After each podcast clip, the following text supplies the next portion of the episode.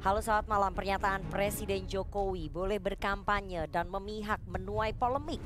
Di hadapan Menhan Prabowo Subianto, Jokowi mengatakan Undang-Undang Pemilu sudah mengaturnya asal tak menggunakan fasilitas negara dan menjalani cuti di luar tanggungan. Keberpihakan Jokowi dikhawatirkan mengarah ke penyalahgunaan kekuasaan. Di tengah pencalonan sang putra Gibran Rakabuming Raka, muncul tudingan keberpihakan Jokowi sebagai tanda kepanikan demi menggenjot elektabilitas Prabowo Gibran yang stagnan agar menang satu putaran. Jokowi tampak berpihak, tanda panik. Bersama saya Rifana Pratiwi akan membahasnya selama satu setengah jam ke depan dalam Political Show. Presiden itu boleh loh kampanye. Presiden itu boleh loh memihak. Kita ini kan pejabat publik sekaligus pejabat politik saat ini nggak boleh berpolitik, nggak boleh.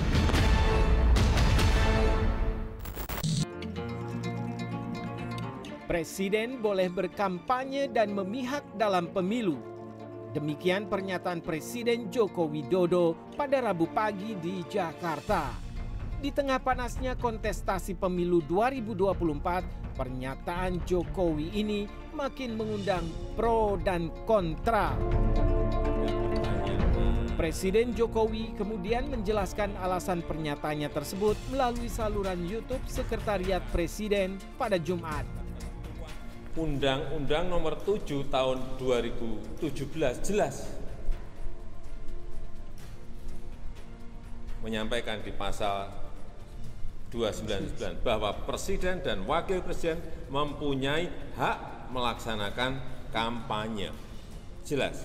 Jadi yang saya sampaikan ketentuan mengenai undang-undang pemilu.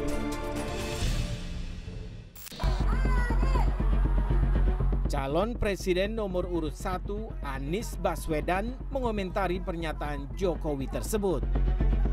Anies mengatakan Jokowi seharusnya tak perlu membawa penegasan berupa kertas yang bertuliskan pasal Undang-Undang Pemilu Anies berharap rakyat bisa menilai kontroversi yang dipertontonkan oleh Presiden dalam tahapan Pilpres 2024. Ini semua akan dikembalikan kepada rakyat untuk melakukan penilaian. Apakah situasi seperti ini mau diteruskan? Ataukah situasi ini harus ada perubahan? Menurut kami perlu perubahan. Sementara calon presiden nomor urut 3 Ganjar Pranowo meminta Presiden Jokowi mengoreksi pernyataan soal presiden boleh berkampanye. Menurut Ganjar, statement Jokowi ini berbahaya dalam berdemokrasi. Ganjar menilai sebagai kepala negara, Jokowi lebih tepat menekankan netralitas pada aparatus sipil negara dan TNI Polri. Oh ya, saya kira sudah ada aturannya ya. Hanya kalau tidak salah pasalnya tidak tunggal, itu pasalnya berlapis. Kalau dia uh, incumbent maka boleh. Kalau tidak, saya kira netralitas menjadi penting. Karena uh, statement beliau sebelumnya semua harus netral. Pendapat berbeda disampaikan TKN Prabowo Gibran. Sekretaris TKN Prabowo Gibran Nusron Wahid mengatakan narasi yang mempermasalahkan etika dan menyoroti agar presiden tidak ikut berkampanye dinilai sebagai upaya sejumlah pihak yang ingin agar paslon yang diusung pihak lain lebih unggul. Itu kepentingan. Itu karena kepentingan aja. Syarat kepentingan. Syarat kepentingan untuk pilpres karena ingin supaya Pak Jokowi itu tidak kampanye. Ya kalau Pak Jokowi tidak kampanye, ya supaya jagonya dia yang unggul. Ya kan, yang yang tidak didukung oleh Pak Jokowi. Masa orang mendukung nggak boleh kampanye? Dan nggak ada larangan undang-undang. Terus diserang pakai dengan unsur etika dan sebagainya.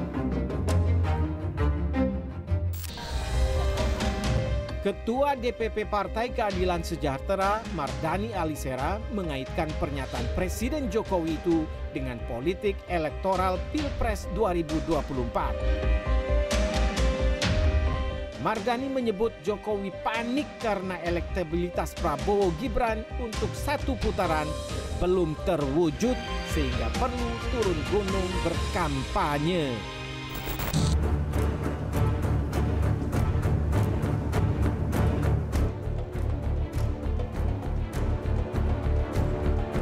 Tim Liputan CNN Indonesia.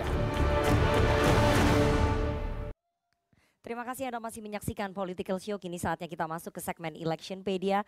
Tim Litbang CNN Indonesia telah merangkum data survei yang telah dirilis terkait tren elektabilitas Capres dan juga Cawapres serta approval rating Presiden Jokowi yang mempengaruhi sebaran pemilih ketiga paslon. Tapi sebelumnya kita lihat dulu pasal-pasal apa saja yang mengatur ketentuan kampanye pemilu yang mengikut sertakan Presiden serta Kepala Daerah. Kita lihat Pasal-pasalnya ini di Undang-Undang Nomor 7 Tahun 2017 tentang Pemilu ada di pasal 281 ayat 1 bahwa presiden boleh berkampanye asal yang pertama tidak pakai fasilitas negara kecuali pengamanan, B menjalani cuti di luar tanggungan negara. Tidak pakai fasilitas negara itu uh, kendaraan dinas, gitu ya salah satunya ataupun rumah dinas. Apakah itu uh, tidak boleh? Tentu saja itu tidak boleh. Kita lihat pasal selanjutnya ada pasal 282 ini lebih spesifik lagi pejabat negara, pejabat struktural dan pejabat fungsional dalam jabatan negeri serta kepala desa dilarang membuat keputusan dan garis miring atau melakukan tindakan yang menguntungkan atau merugikan paslon uh, ataupun salah satu peserta pemilu selama masa kampanye. Pasal lainnya? Oke, ini di pasal 304, fasilitas negara yang dilarang digunakan oleh presiden pada saat berkampanye. Yang pertama adalah sarana mobilitas atau mobil dinas, gedung kantor dan rumah dinas, sarana perkantoran dan saluran telekomunikasi pemerintah, serta fasilitas lain yang dibiayai APBN dan APBD. Berarti ini termasuk bantuan sosial atau bansos. Oke, kita lihat slide selanjutnya, ini adalah tren elektabilitas capres dan juga cawapres yang dipotret oleh indikator politik. Kita merangkum tiga bulan ya dari bulan November, Desember dan juga Januari. Ini indikator politik baru saja merilis di bulan uh, November 2023 paslon 1 Anies Mohaimin di 22,8, kemudian di bulan Desember naik sekitar 3 persen di 25,5, turun lagi di bulan Januari di 24,2 persen. Bagaimana dengan paslon 2 Prabowo Gibran di bulan Desember di bulan November 2023 45,8 persen, di bulan Desember masih sama di 45,8 persen melejit hampir 3 persen, di bulan Januari 48,6 persen. Sementara paslon 3 kita lihat di November 2023 25,6 persen, kemudian di bulan Desember turun sekitar 2 persen di 23 persen dan turun lagi di bulan Januari 21,6 persen. Ini alarm juga untuk PD Perjuangan serta koalisi uh, eh, TPN Ganjar Mahfud. Tidak tahu atau tidak jawab di bulan November 5,8 persen, di bulan Desember masih sama 5,8 persen, di bulan Januari di 5,7 persen. Kita bandingkan ini ternyata adalah approval rating ataupun kepuasan uh, publik terhadap pemerintahannya Pak Jokowi versinya indikator politik Indonesia masih sama 10 sampai 16 Januari 2024 surveinya adalah survei tatap muka. Kita lihat di sini sangat tinggi sekali ya yang puas terhadap uh, kinerja Presiden Jokowi ada 79,3 persen, yang tidak puas ada 19,7 persen, yang tidak tahu atau tidak jawab ada di 1,1 persen. Kepuasan publik terhadap Presiden Jokowi ini ternyata terdistribusikan kepada pemilih ketiga paslon kita lihat di sini sebaran pemilih yang puas dengan Jokowi Anies Mohaimin mendapatkan 16,5 persen kemudian Prabowo Gibran di 54,9 persen berarti absolut ini uh, pemilih ataupun publik yang puas terhadap Pak Jokowi otomatis memilih Prabowo Gibran 54,9 persen. Kemudian 23,2 persen didapatkan oleh Ganjar Mahfud sementara yang tidak tahu atau tidak jawab di 5,4 persen. Itu tadi uh, beberapa approval rating dan juga sebaran peta pemilih dari publik yang kemudian puas terhadap Presiden Jokowi. Apakah setelah kemarin Presiden Jokowi secara terang-terangan turun gunung tampil terbuka di pangkalan militer di belakangnya ada salah satu kandidat capres yang juga hadir di situ Presiden Jokowi tidak malu-malu lagi mengatakan bahwa Presiden boleh memihak, boleh berkampanye karena itu diatur di undang-undang. Tapi ternyata pernyataan Presiden Jokowi menuai pro dan kontra di publik. Kenapa kemudian tiba-tiba Presiden Jokowi harus turun gunung tampil terbuka? Apakah itu tanda kepanikan? Nanti kita akan bahas bersama dengan para narasumber saya yang ada di studio. Tapi kita harus jeda terlebih dahulu. Jangan ke mana-mana, tetap bersama kami di Political Show.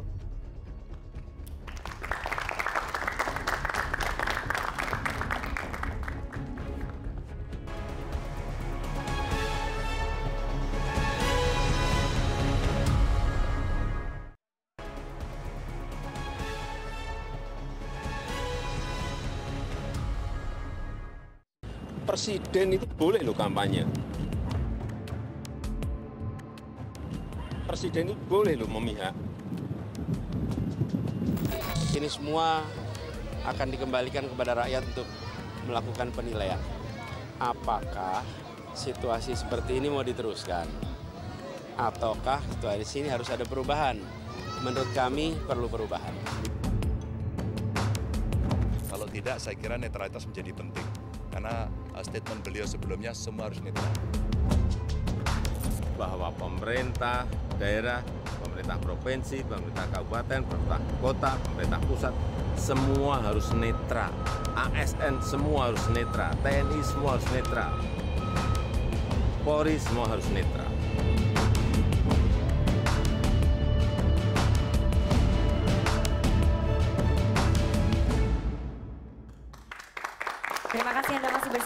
Di Political Show. Pernyataan Presiden boleh berkampanye dan memihak menuai polemik di hadapan Menteri Pertahanan Prabowo Subianto. Presiden Jokowi tidak malu-malu mengatakan undang-undang pemilu sudah mengaturnya asal tak menggunakan fasilitas negara dan menjalani cuti di luar tanggungan. Keberpihakan Jokowi dikhawatirkan mengarah ke penyalahgunaan kekuasaan di tengah pencalonan sang putra Gibran Raka Buming Raka. Muncul tudingan keberpihakan Jokowi sebagai tanda kepanikan demi menggenjot elektabilitas Prabowo Gibran yang stagnan agar menang satu putaran. Jokowi tampak berpihak, tanda panik. Malam ini kita akan membahasnya dengan narasumber di studio. Saya perkenalkan satu-satu ada juru bicara Timnas Amin Bestari Barus. Saat malam Bang Bestari. Selamat malam. Oke, silahkan kampanye. Nggak apa-apa, masih musim kampanye. Langsung. Ada jubir TKN Prabowo Gibran, Bang Hasan Asbi. Selamat malam, Bang Hasan. Malam Nana. Ada jubir TPN Ganjar Mahfud, Mas Ciko Hakim. Selamat malam, Mas Ciko. Waalaikumsalam. Ada pakar hukum tata negara STH Indonesia Jentera. Saya harus komplit nih, Mbak Bivitri Susanti. Selamat malam, Mbak Bibip. Selamat malam. Pengamat komunikasi politik, the one and only, Bang Henry Satrio. Selamat malam. Oke. Sebelum saya putarkan, kita mulai dialog. Saya mau menyapa dulu nih teman-teman mahasiswa yang eh, bergabung langsung di studio CNN Indonesia pada malam hari ini karena sebentar lagi kurang dari dua minggu kita akan mengikuti pemungutan suara tanggal 14 Februari 2024. Teman-teman mahasiswa, teman-teman pemilih muda ini jumlahnya besar sekali ya, 52 persen di pilpres dan juga pileg nanti. Malam ini sudah bergabung di studio CNN Indonesia ada Dewan Eksekutif Mahasiswa, Visip UIN Jakarta. Terima kasih teman-teman dari Visip UIN tepuk tangannya dulu. Udah malam-malam datang ke sini sebagai bentuk kepedulian terhadap masa depan Republik ini ya. Nanti teman-teman boleh mengkritik, eh, bertanya, menyampaikan unek-unek kepada ketiga jubir ini ataupun kepada para pengamat silahkan aja. Gak apa-apa, oke? Sebelum kita memulai dialog saya akan putarkan dulu flashback apa sih sebetulnya yang disampaikan oleh Pak Jokowi sehingga membuat geger satu Republik ini. Politik setiap orang, setiap menteri sama saja. Yang paling penting presiden itu boleh loh kampanye. Presiden itu boleh loh memihak. Boleh. Tapi yang paling penting waktu kampanye tidak boleh menggunakan fasilitas negara. Boleh, Pak. Kita ini kan pejabat publik sekaligus pejabat politik. Masa gini nggak boleh berpolitik, nggak boleh. Menteri juga boleh. Itu saja. Yang mengatur itu hanya tidak boleh menggunakan fasilitas negara. Itu aja.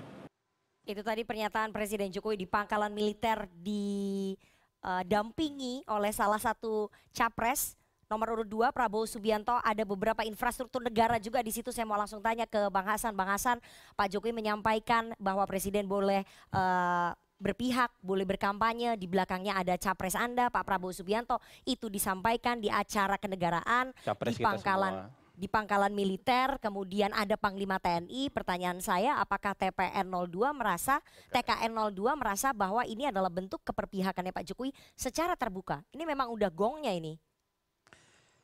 Jadi kalau saya sih sebenarnya bingung ini dipersoalkan. Hmm. Apalagi judulnya kepanikan. Karena kan orang awam sekalipun hmm. tidak akan punya kesimpulan bahwa Pak Jokowi ada di belakang Anies. Okay. Orang awam sekalipun juga nggak akan punya kesimpulan uh, Pak Jokowi ada di belakang Mas Ganjar. Hmm. Orang yang paling awam dalam politik Indonesia punya kesimpulan Pak Jokowi ada di belakang Pak Prabowo Gibran. Hmm. Memang begitu adanya. Jadi nggak ada unsur kepanikan di sini. Berarti diakui ya, ya bahwa itu saya, bentuk keberpihakannya Pak Jokowi secara loh, clear, secara terbuka. Bukan pidato itu bentuk keberpihakan, tapi kesimpulan masyarakat itu sudah bulat menurut saya. Hmm. Nggak akan ada yang berdebat soal itu Pak Jokowi ada di posisi mana tuh nggak akan ber, berdebat soal itu. Hmm. Jadi ini tidak perlu dipersoalkan. Yang menurut saya tidak fair tadi adalah kenapa nggak di, ditayangkan Pak Jokowi pidato, bukan pidato, Pak Jokowi statement itu kan da, bukan dalam ruang hampa. Hmm. Ada pertanyaan sebelumnya kan? Ditanya oleh wartawan. Apa pertanyaannya? Ya. Pertanyaannya apa? Hmm.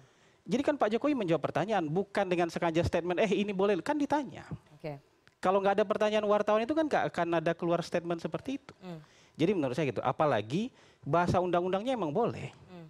Yang diperdebatkan sesuatu hal yang terang benderang menurut saya di undang-undangnya dibolehkan. Ya. ya kan?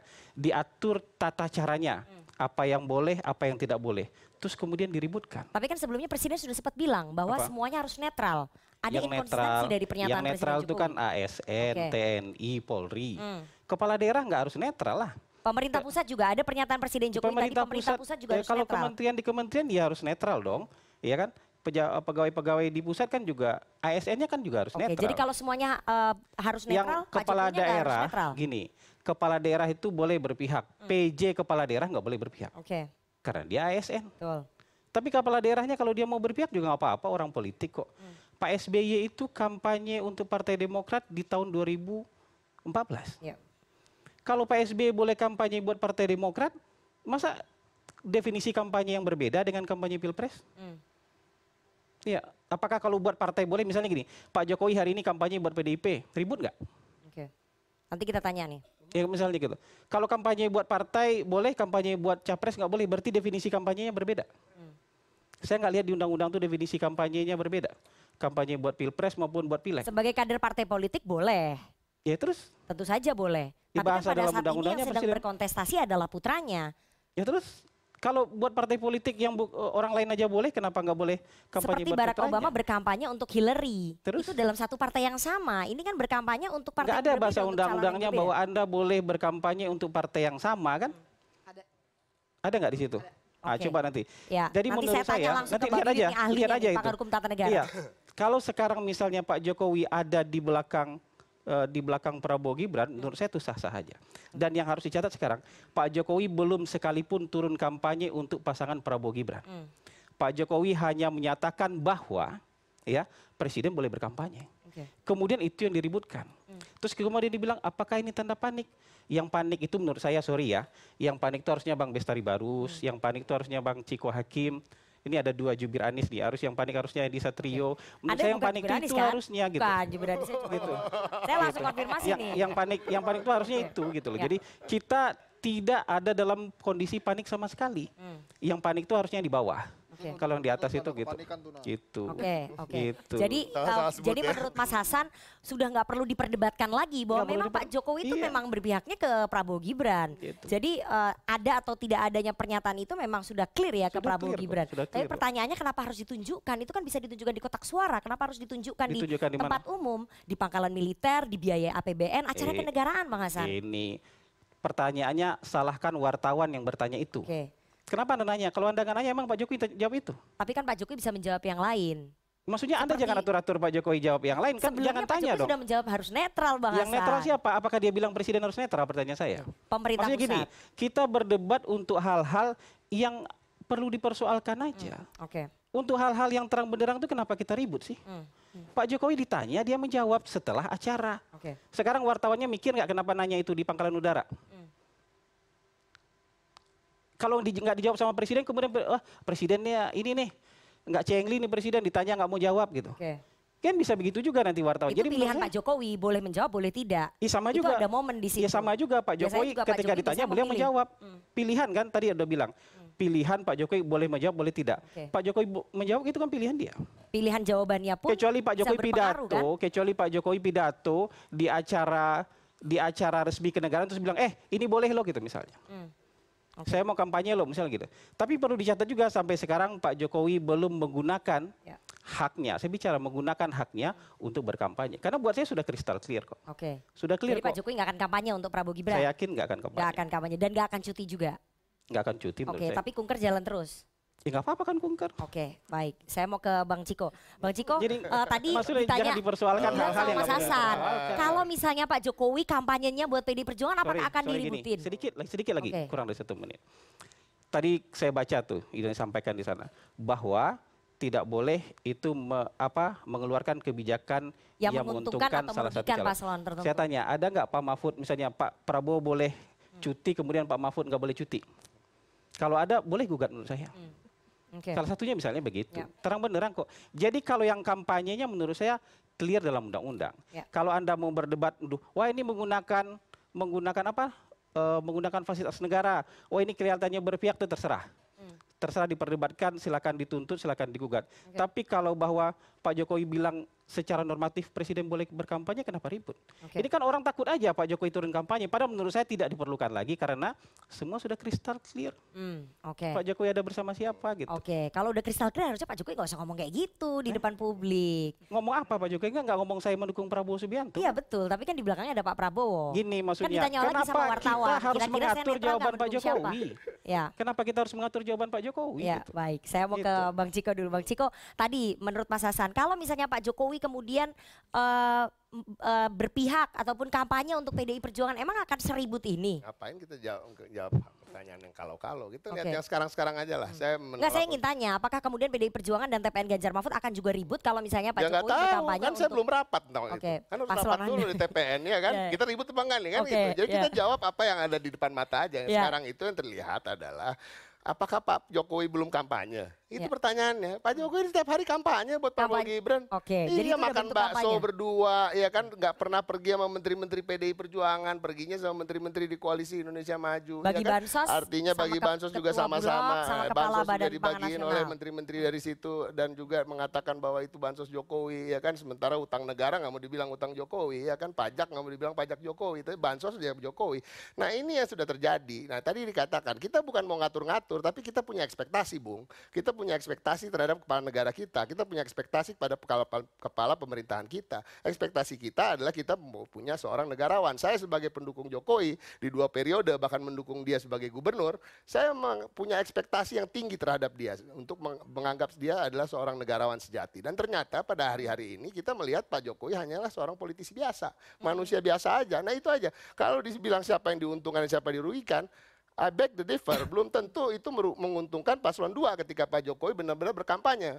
Jangan-jangan masyarakat bisa me- yang tadinya masih setengah-setengah muak jadi muak beneran melihat perilaku seperti itu. Nah kan itu bisa jadi blunder ya kan. Masalah soal panik apa enggak mungkin bukan panik tapi bingung saya rasa paslon 2 dengan approval rating yang hanya nomor 2 di dunia nomor satunya Kim Jong Un ya by the way.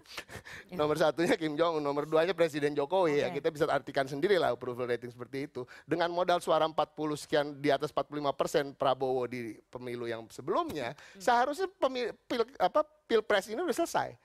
Tapi kan nggak selesai-selesai ya kan di 48 ya kan ada yang 50 lebih dan satu dua lah ya gitu ya. Tapi 48 sudah paling tinggi bahkan masih ada yang di 43, 44 dan lain-lain. Nah ini panik apa enggak ya itu silahkan diterjemahkan sendiri bahasanya menggunakan Lebih ke bingung bahasa kalau lain. menurut Ya T- bingung TPN termasuk kita juga bingung gitu. Ini mana yang benar nih approval rating 80 persen, modal suara 40 sekian 47 Ya. persen ya kan. Kok belum selesai juga nih pilpres kan gitu. Itu Oke, aja. oke. Saya mau ke Timnas Amin, Bang Bestari. Kalau tadi dari TPN Ganjar Mahfud bilang bahwa Pak Jokowi ini udah tiap hari kampanye, makan bakso, makan malam, ketemu ketum-ketum Partai Koalisi Indonesia Maju. Jadi tiap hari udah kampanye buat Prabowo Gibran. Eh, dan pembagian bansos, ad- kita baru dapat informasi bahwa kemarin juga eh, Pak Jokowi kunker ke Jawa Tengah, ada bagi-bagi bansos juga, terus kemudian dari dalam mobil keluar tangan yang mengacungkan dua jari. Itu gimana dari Timnas Amin melihat? Iya, kita melihat itu suatu hal yang Jangan sedih bang. nggak ada terkaitannya dengan kita gitu. Oke. Masa nggak merasa dirugikan ini Enggak. Apa kerugiannya? kepala negara, presiden dalam tanda kutip dianggap membantu pemenangan dengan fasilitas negara. Ya kalau memangnya maunya membantu ya kan paling tidak nggak semuanya harus dibantu. Hmm. Pasangan ada tiga, ya kalau ada orang berpihak kan nggak bisa berpihak kepada dua. Harus satu kan. Oke. Iya iya iya. Ya ya ya Ya, yang masuk itu barang ya. Iya kan? Ya ya ya ya sekalian kampanye. Oke. Nah itu, itu coba satu kasih. pertama. Ulang ulang lagi ulang lagi. Jangan diulang lagi. Terus. Itu satu. Kedua, dari sejak awal kontestasi ini memulai tahapannya, Hmm. paslon kami yang tidak pernah berpikir tentang bagaimana kita ini ikut merepot-repotkan Pak Jokowi Hmm. sebagai presiden. Pekerjaannya sudah sangat banyak di mana-mana. Oke. Jadi kami selalu menghargai, menghormati Pak Jokowi, biarlah beliau bekerja dengan baik, mengatur bangsa ini. Hmm. Kan begitu. Oke. Jadi nggak mau kami sibuk-sibukkan lagi dengan Pak, ada nggak kesempatan untuk kami juga di endorse endorse gitu dari Tapi awal approval ratingnya Pak Jokowi tinggi sekali loh, Apa hampir tuh? 79 persen. Itu berpengaruh sekitar 15 sampai 19 persen terhadap eh, elektoral capres. Masa nggak butuh itu? Udahlah, begini. Banyak kali orang merilis hasil survei. Oke. Kepuasan masyarakat katanya 80 persen. Hmm. Tapi begitu bersanding dengan Pak Prabowo jadi 43. Hmm. Artinya ya belum selesai ternyata pemilu ini kan begitu. Nah mungkin ada hal yang lain harus dilakukan oleh tim. Kok jadi saya menasehatin, nggak yang memberikan masukan. Nanti saya nasihatin balik. Ya. Ya ya ya. Artinya eh, ujar-ujar yang lalu itu batal dengan sendirinya ketika hasil survei itu ada di pasar posisi tidak lebih dari 45 persen gitu ya. Hmm. Ini kalau indikator memang dia selalu gede. Saya juga bingung tuh kenapa dia gede melulu gitu. Oke. Tapi itu pun kita berucap syukur dari Paslon Amin karena penggabungan dua kekuatan ini ternyata tidak bisa menembus ke 55 persen atau 51 ke atas. Artinya kans untuk satu putaran itu hilang gitu loh. Oke. Ya kan? Hilang sama sekali. Artinya ada kesempatan untuk eh, dua putaran dan kami rasa rakyat Indonesia perlu untuk mendapat pembelajaran politik yang lebih dengan tidak mengkait-kaitkan marilah kita berhemat segala macam. Pesta ini pesta rakyat, Oke, bukan baik. pesta investor dan pengusaha. Hmm, Ini Gitu maksudnya loh. mengacu ke siapa nih? Para investor dan pengusaha yang katanya dua per tiga menyumbang perekonomian Republik ini mendukung paslon 2. Anda mau Ya kayak gitu? artinya itu yang mesti kita koreksi ke depan harus kita rubah. Jangan lagi cuman dua tiga orang yang berkuasa di Republik ini kaitannya dengan pertumbuhan ekonomi. Masa nggak ada pengusaha sendiri. yang nyumbang ke timnas Amin? Nggak ada pengusaha satupun? apa tuh? Nggak ada pengusaha satupun yang nyumbang ke timnas Amin? Pengusaha itu kayaknya lebih senang berada di kekuasaan Oke. gitu. Kita ini mengagendakan ke depan ini untuk satu perubahan. Hmm. Eh pengusaha mana mau berubah? Jadi nggak ada satupun pengusaha ya? Emang mau pengusaha berubah coba di mana Oke. ada yang mau pengusaha berubah kan nggak ada kan? Lanjutkanlah. Namun ketika kita kemarin di Bandung kita bertanya kepada rakyat, makanya koalisi kita hari ini kepada rakyat. Oke. Apa yang kita sampaikan? Harga beras masih mahal kak? Baik. Mahal.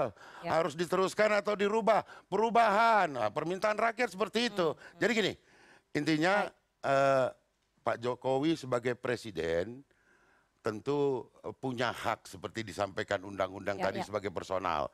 Namun kemudian kita berharap memang pemilu ini menghasilkan hasil yang terbaik Oke, dan sekurang-kurangnya. ASN harus netral. Oke, tapi sampai sekarang ini dengan pernyataan presiden itu bagaimana ASN mau netral di undang-undang ASN aja Komisi Aparatur Sipil Negara sudah dihapuskan, pengawasan terhadap ASN itu udah nggak bisa lagi dilakukan ketika KASN itu dihapuskan. Begini, eh, ASN harus netral itu, jadi jangan oke lah yang berkembang saat ini ya yang kami dengar. Mudah-mudahan didengar juga oleh ASN yang ada seluruh Indonesia.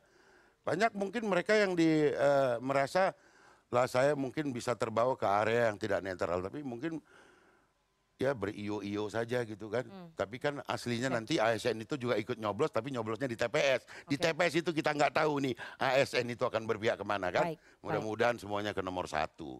Oke, Gitu, ya, ya, oke, Nah, udah kampanyenya. Saya mau putarkan dulu sebelum saya ke Mbak Bibip ya, untuk tahu aturan rigidnya seperti apa. Karena tadi menarik Anda katakan bahwa harus berkampanye untuk partai politiknya, sama seperti di Amerika Serikat. Saya akan putarkan eh, ini pernyataan klarifikasinya Pak Jokowi yang bawa-bawa kertas di Istana Negara. Menarik. ini. Undang-Undang Nomor 7 Tahun 2017 jelas menyampaikan di pasal 299 bahwa presiden dan wakil presiden mempunyai hak melaksanakan kampanye.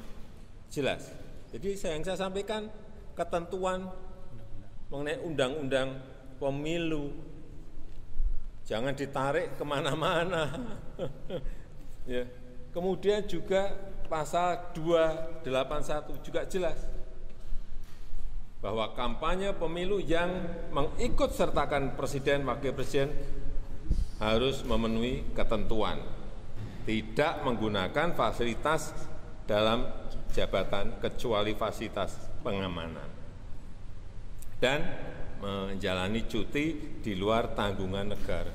Udah jelas semuanya kok. Jadi sekali lagi jangan ditarik ke mana-mana. Itu tadi klarifikasi komplit dari Pak Jokowi sampai ngeprint kertas di Stabilo di Istana Negara pula klarifikasinya ya. Saya mau tanya ke Mbak Bibip. Mbak Bibip memang sesuai tadi eh, pasal-pasal yang disampaikan oleh Pak Jokowi bahwa presiden boleh berpihak, presiden boleh berkampanye, tapi kampanyenya boleh untuk paslon eh, lain di luar partainya. Itu sebenarnya misleading. Oke. Jadi yang di print oleh Pak Jokowi atau stafnya entah siapa itu, itu kan hanya satu ayat dari pasal 299. Hmm. Jadi kalau kita baca suatu undang-undang itu memang nggak bisa potong satu ayat. Ya. 299 itu ada ada tiga ayat. Ya. Kemudian harus dikaitkan dengan kalau dalam ilmu perundang-undangan tuh namanya penata urutan pengelompokan dan penata urutan norma. Jadi bab 8 soal kampanye, makanya ada 281, 281, 282. Dia ngatur dulu tuh apa yang dilarang, apa yang boleh. Nah, terus justru di bawah 299 di, eh, memang judulnya adalah eh, hak untuk berkampanye bagi presiden. Nah, tapi kalau kita baca utuh 299 itu, dia sebenarnya presiden, menteri maupun pejabat negara lainnya memang berhak untuk berkampanye kalau satu, kalau presiden maju untuk dirinya sendiri alias Petahana. Oke. Kemudian yang kedua, kalau nah ini yang tadi eh, kita perdebatkan, kalau dia mendukung partai politiknya sendiri, Hmm, misalnya itu clear di undang-undang ada. itu clear. Oke. Karena em, ya memang begitu seperti yang sering kita bahas Obama dengan Hillary Ya. Clinton. Itu kan memang itu adalah biasa saja dalam politik Ya. gitu.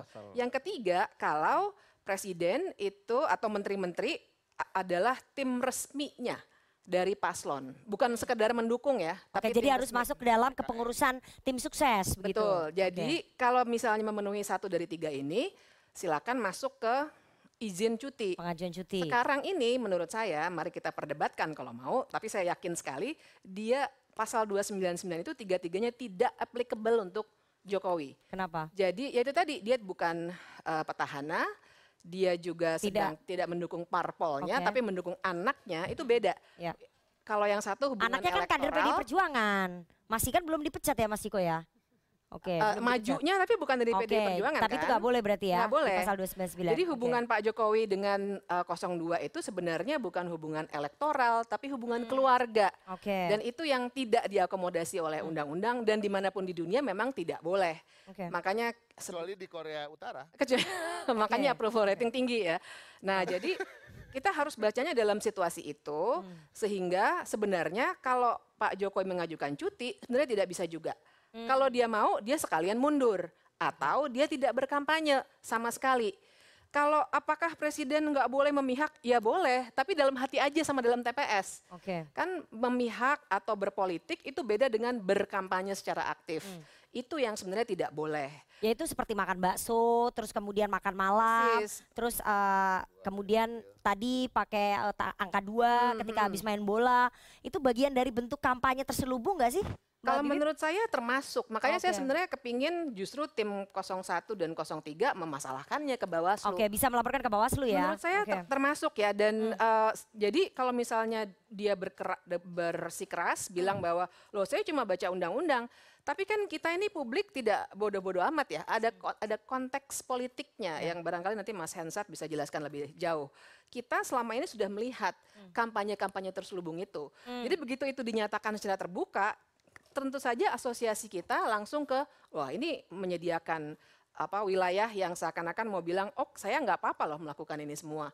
Nah itu sebenarnya yang jadi masalah. Jadi Oke. kita nggak bisa naif untuk bilang eh, baca pasalnya saja dan itu pun hanya satu ayat dari pasal Oke. 299 itu. Oke, oke. Saya mau ke Mas Sensat. Mas Sensat, soal kampanye terselubung ini ya. Padahal kan Pak Jokowi jelas-jelas beberapa bulan lalu sudah mengatakan bahwa pemerintah pusat, kemudian pemerintah daerah, itu ASN, TNI, Polri semuanya harus netral. Anda melihat secara konteks politik ada inkonsistensi pernyataan Presiden Jokowi, apalagi tampil di publik seperti ini? Ya itu kan ciri khas beliau ya, Iya. inkonsistensi.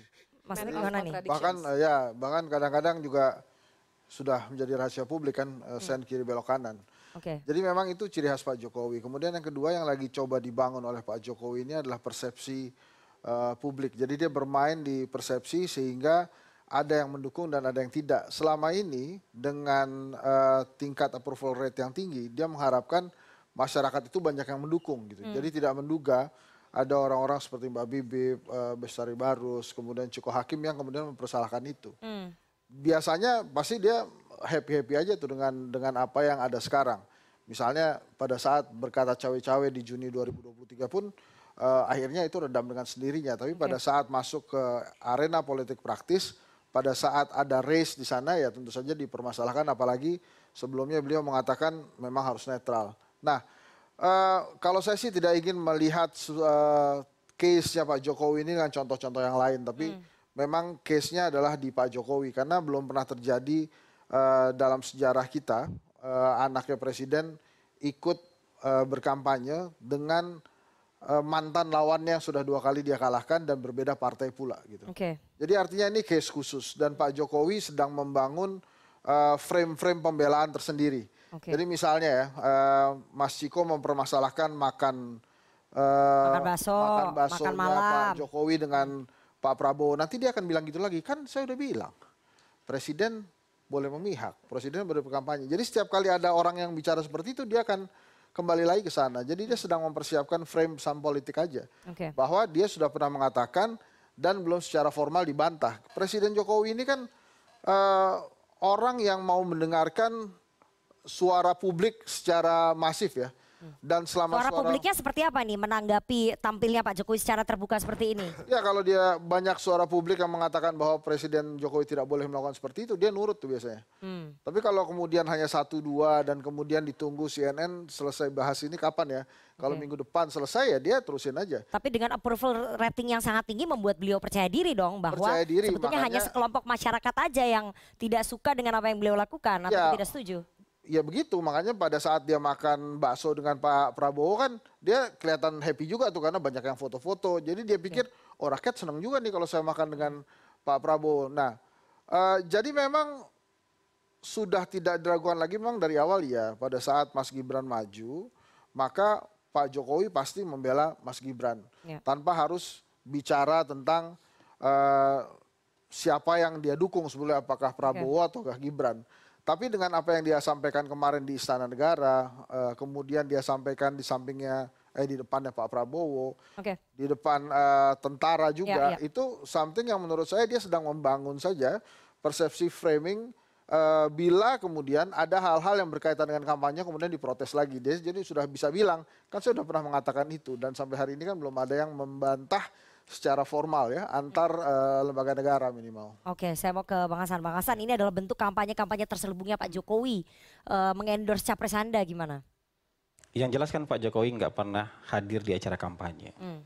Kalau kampanye-kampanye terselubung, jangannya nanti Pak Jokowi sholat dibilang kampanye terselubung buat pasangan nomor satu. Hmm.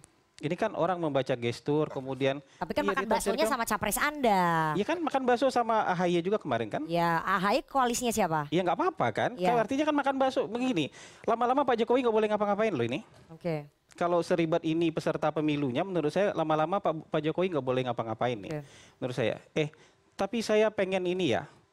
Saya pikir tadi Mbak Bibit apa menyampaikan pasal yang saya nggak tahu. Setelah saya baca lagi, Undang-Undang Nomor 7 Tahun 2017 itu, Pasal 299. 299 itu, ayat 2-nya pejabat negara lainnya yang berstatus sebagai anggota partai politik mempunyai hak melaksanakan kampanye.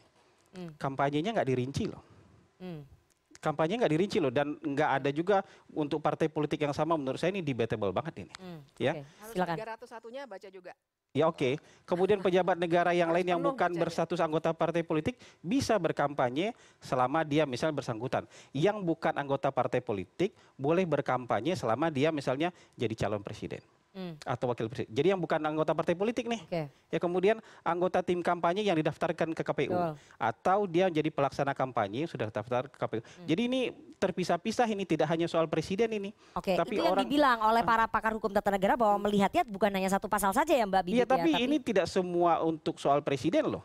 Ada pejabat negara lainnya loh. Oke. Jadi baca Ini pasal strukturnya 2 dan 3 itu pejabat negara lainnya bukan untuk presiden loh. Ya, silakan Mbak Bibip. Jadi kita harus baca tuh kerangkanya tuh Hmm. outline-nya. Bab 8 itu kampanye, terus kalau dalam uh, perundang-undangan itu Apakah kampanye itu ada definisinya kampanye pileg boleh, kampanye pilpres nggak Oh boleh? iya iya, kalau di bawahnya harus dibaca. Jadi mulai dari bab itu dari atas sampai bawah harus dibaca. Nah, terus jadi kerangka eh, awalnya di atas, 299 baru masuk. Berha- eh, apa memang judulnya adalah kalau presiden berkampanye. Kurang lebih seperti itu judulnya. Ya, presiden berkampanye. Nah, terus kemudian nanti 301 itu juga mesti dibaca. presiden juga kan. 307. Enggak, yang menurut saya ketika Mbak Bibit bicara pasal 2 dan 3 itu tidak tentang presiden tapi tentang pejabat negara lainnya di luar presiden. Oke. Ya. Presi- silakan Mbak. Ya, jadi eh, memang eh, kita harus melihatnya kalau dalam ilmu hukum tuh istilahnya penafsiran sistematis. Jadi harus dipahami dalam sebuah konteks kerangka hukumnya itu. Sehingga pasal 299 kalau kita baca bareng pasal 301 akan terbaca situasi itu. Jadi kalau misalnya itu tadi ya, eh, pilihannya adalah kalau mau resmi berkampanye silakan cuti. Tapi itu tadi ternyata kalau mau cuti juga tidak applicable untuk Pak Jokowi. Nah, jadi itu ya. Jadi bacanya memang harus utuh dengan pasal-pasal lainnya dalam bagian yang sama dan dalam bab yang sama soal kampanye. Oke. Menurut saya pasti debatnya ini panjang nih soal ini nih karena eh, Nanti di per definisi berikutnya ya. dan ayat-ayatnya Ya. tidak merujuk ke satu titik presiden dan wakil presiden. Oke, oke. Saya eh, ingin tanya ke Mas eh, Hasan tadi gimana jadi dengan kampanye terselubung itu? Gini, kalau misalnya bansos dianggap kampanye terselubung, saran saya pasangan nomor satu silakan kampanyekan tolak pembagian bansos bulan Januari dan Februari. Oke, Pasangan nomor tiga silakan kampanyekan tolak bansos Januari oke. Dan Februari. Nanti bansosnya bulan Maret aja. Menurut saya itu lebih clear. Oke. Lebih clear kalau memang itu dianggap sebagai kampanye terselubung. Kami tidak menganggap itu kampanye terselubung. Kami menganggap itu hak masyarakat yang ditunaikan oleh Baik. oleh pemerintah. Baik, Mas Ciko, bahwa ada pembagian beras enam bulan langsung dibagikan bulan ini 60 kilo. Oh, Itu, nggak gimana? masalah, kita mau Nggak masalah. itu. Kita permasalahkan Itu bentuk bukan soal pembagian bansosnya ya, jangan Oke, salah. kampanye. Pembagian bansos itu bahkan akan dilanjutkan oleh Pak Ganjar dan Pak Mahfud, mungkin Hmm. diperluas lagi karena masih banyak orang yang berhak dan tidak mendapatkan. Dan itu hak yang dijamin Dan momentumnya, waktunya. Ya, fakir miskin dan lain-lain. Bukan momentumnya aja. Oke. Siapa yang datang bawa-bawa itu? Ya kan? Hmm. Kenapa presiden mesti jalan-jalan bawa bansos? Ya kan? Kenapa menteri Menko Erlangga mesti jalan-jalan dan mengatakan itu bansos Jokowi Hmm. dan eh, saya mendengar ya ada perkataan-perkataan seperti kalau ini mau dilanjut harus pilih siapa dan Hmm. lain-lain. Ini juga Menteri Zulkifli Hasan juga melakukan hal yang sama. Itu yang menjadi masalah. Pembagian bansos tidak pernah menjadi masalah. Itu hak fakir miskin dipelihara oleh negara dan salah satunya melalui pembagian bansos itu. Nah, bahkan sekarang masih banyak yang berhak tapi tidak mendapatkan. Nah, ini yang akan kita perluas nanti. Tapi permasalahannya di situ. Tapi kembali lagi ini semua tadi pembahasan soal pasal. Masyarakat itu yang dibuat mereka adalah masalah rasa. Ini masalah pasal ini kan masalah hukum menghukum. Kita tidak mau menghukum, masyarakat nggak mau menghukum, nggak mau menjarain siapa-siapa, nggak mau menjarain Jokowi. Tapi ada sanksi-sanksi sosial. Adi tadi, kenapa Jokowi diatur-atur ngomongnya? Harus diatur-atur. Dia mendapat begitu banyak kemuliaan dari menjadi presiden. Masyarakat punya ekspektasi yang lebih terhadap presiden sebagai kepala negara dan kepala pemerintahan. Dan itu tidak tidak ditunjukkan oleh Pak Jokowi. Pak Jokowi salah mengartikan perkataan yang mengatakan what is the difference between the politician and the statesman. Ya kalau a statesman, eh, kalau politician thinks about the next election. A statesman thinks about the next generation. Salah mengartikan next generation itu Pak Jokowi maksudnya generasi bangsa ini secara keseluruhan, bukan generasi Anda doang. Artinya Oke, oke, oke. Kalau dari Timnas Amin, itu tadi disarankan oleh Mbak Bibip ya dengan pembagian bansos yang sangat masif, yang dianggap sebagai kampanye terselubung, dan kemudian Pak Jokowi itu nggak applicable untuk eh, bisa cuti kampanye, mengkampanyekan eh, salah satu paslon. Dari Timnas Amin akan melaporkan Pak Jokowi nggak mungkin ke Bawaslu, meminta Bawaslu untuk mengawasi begitu? Ya, tadi di slide awal kan terlihat Pak Anies dengan bijak tuh menyampaikan biarlah masyarakat yang akan memberikan Menilai, iya. penilaian. Artinya di situ masyarakat memberikan penilaian itu kan bisa macam-macam. Hmm. Mungkin salah satunya juga bahkan memberikan penilaian itu dengan mendalami, Hmm. gitu, mendalami. Pak Anies baru punya jargon amin aja udah dilaporin ke Polda, Oke. ya kan? Ya mungkin ini nggak tahu nanti sikap masyarakat akan seperti apa. Hmm. Ya Pak Anies sudah menyampaikan secara Ya. bijak itu yang dilakukan. Kalau kemudian tentang bansos, saya kira tadi pagi itu Pak Anies menyampaikan juga tentang bahwa akan ditambah dengan bansos plus bahkan. Dan ini era keterbukaan publik, jejak digital luar biasa. Jangan dis- eh, disangka bahwa orang yang berada di perkampungan, di pedusunan itu tidak bisa mengakses informasi secara cepat. Mereka tahu persis uang ini uang apa kok. Uang membeli bansos itu adalah uang rakyat Uang pajak rakyat. yang harus dikembali yang dibayar oleh rakyat. Oke. Jadi apa pun yang dikatakan oleh orang-orang kaitannya dengan mempolitisasi itu, itu gugur dengan sendirinya. Dan tim kami sudah turun, tim paslon satu mensosialisasikan itu. Kita sosialisasikan ini bukan uang siapa-siapa, ini uang Anda kembali kepada Baik. Anda. Baik, baik. Kira-kira Eh, itu. sebentar Mbak Bibip nanti kita akan bahas lebih dalam soal kenapa sih harus Pak Jokowi ini tampil secara terbuka di publik dan dampaknya apa bagi eh, pesta demokrasi kita. Kita harus jeda terlebih dahulu jangan ke mana-mana tetap bersama kami di Political Show. Nah itu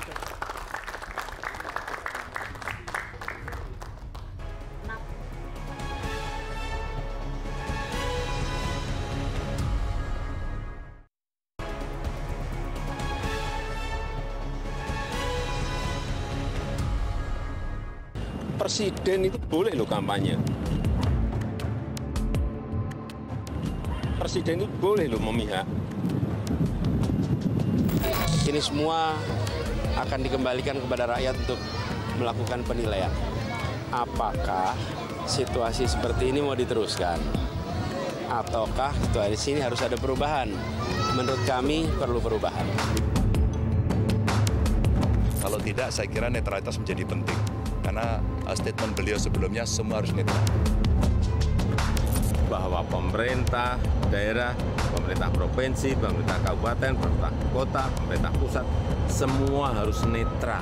ASN semua harus netral, TNI semua harus netral, Polri semua harus netral.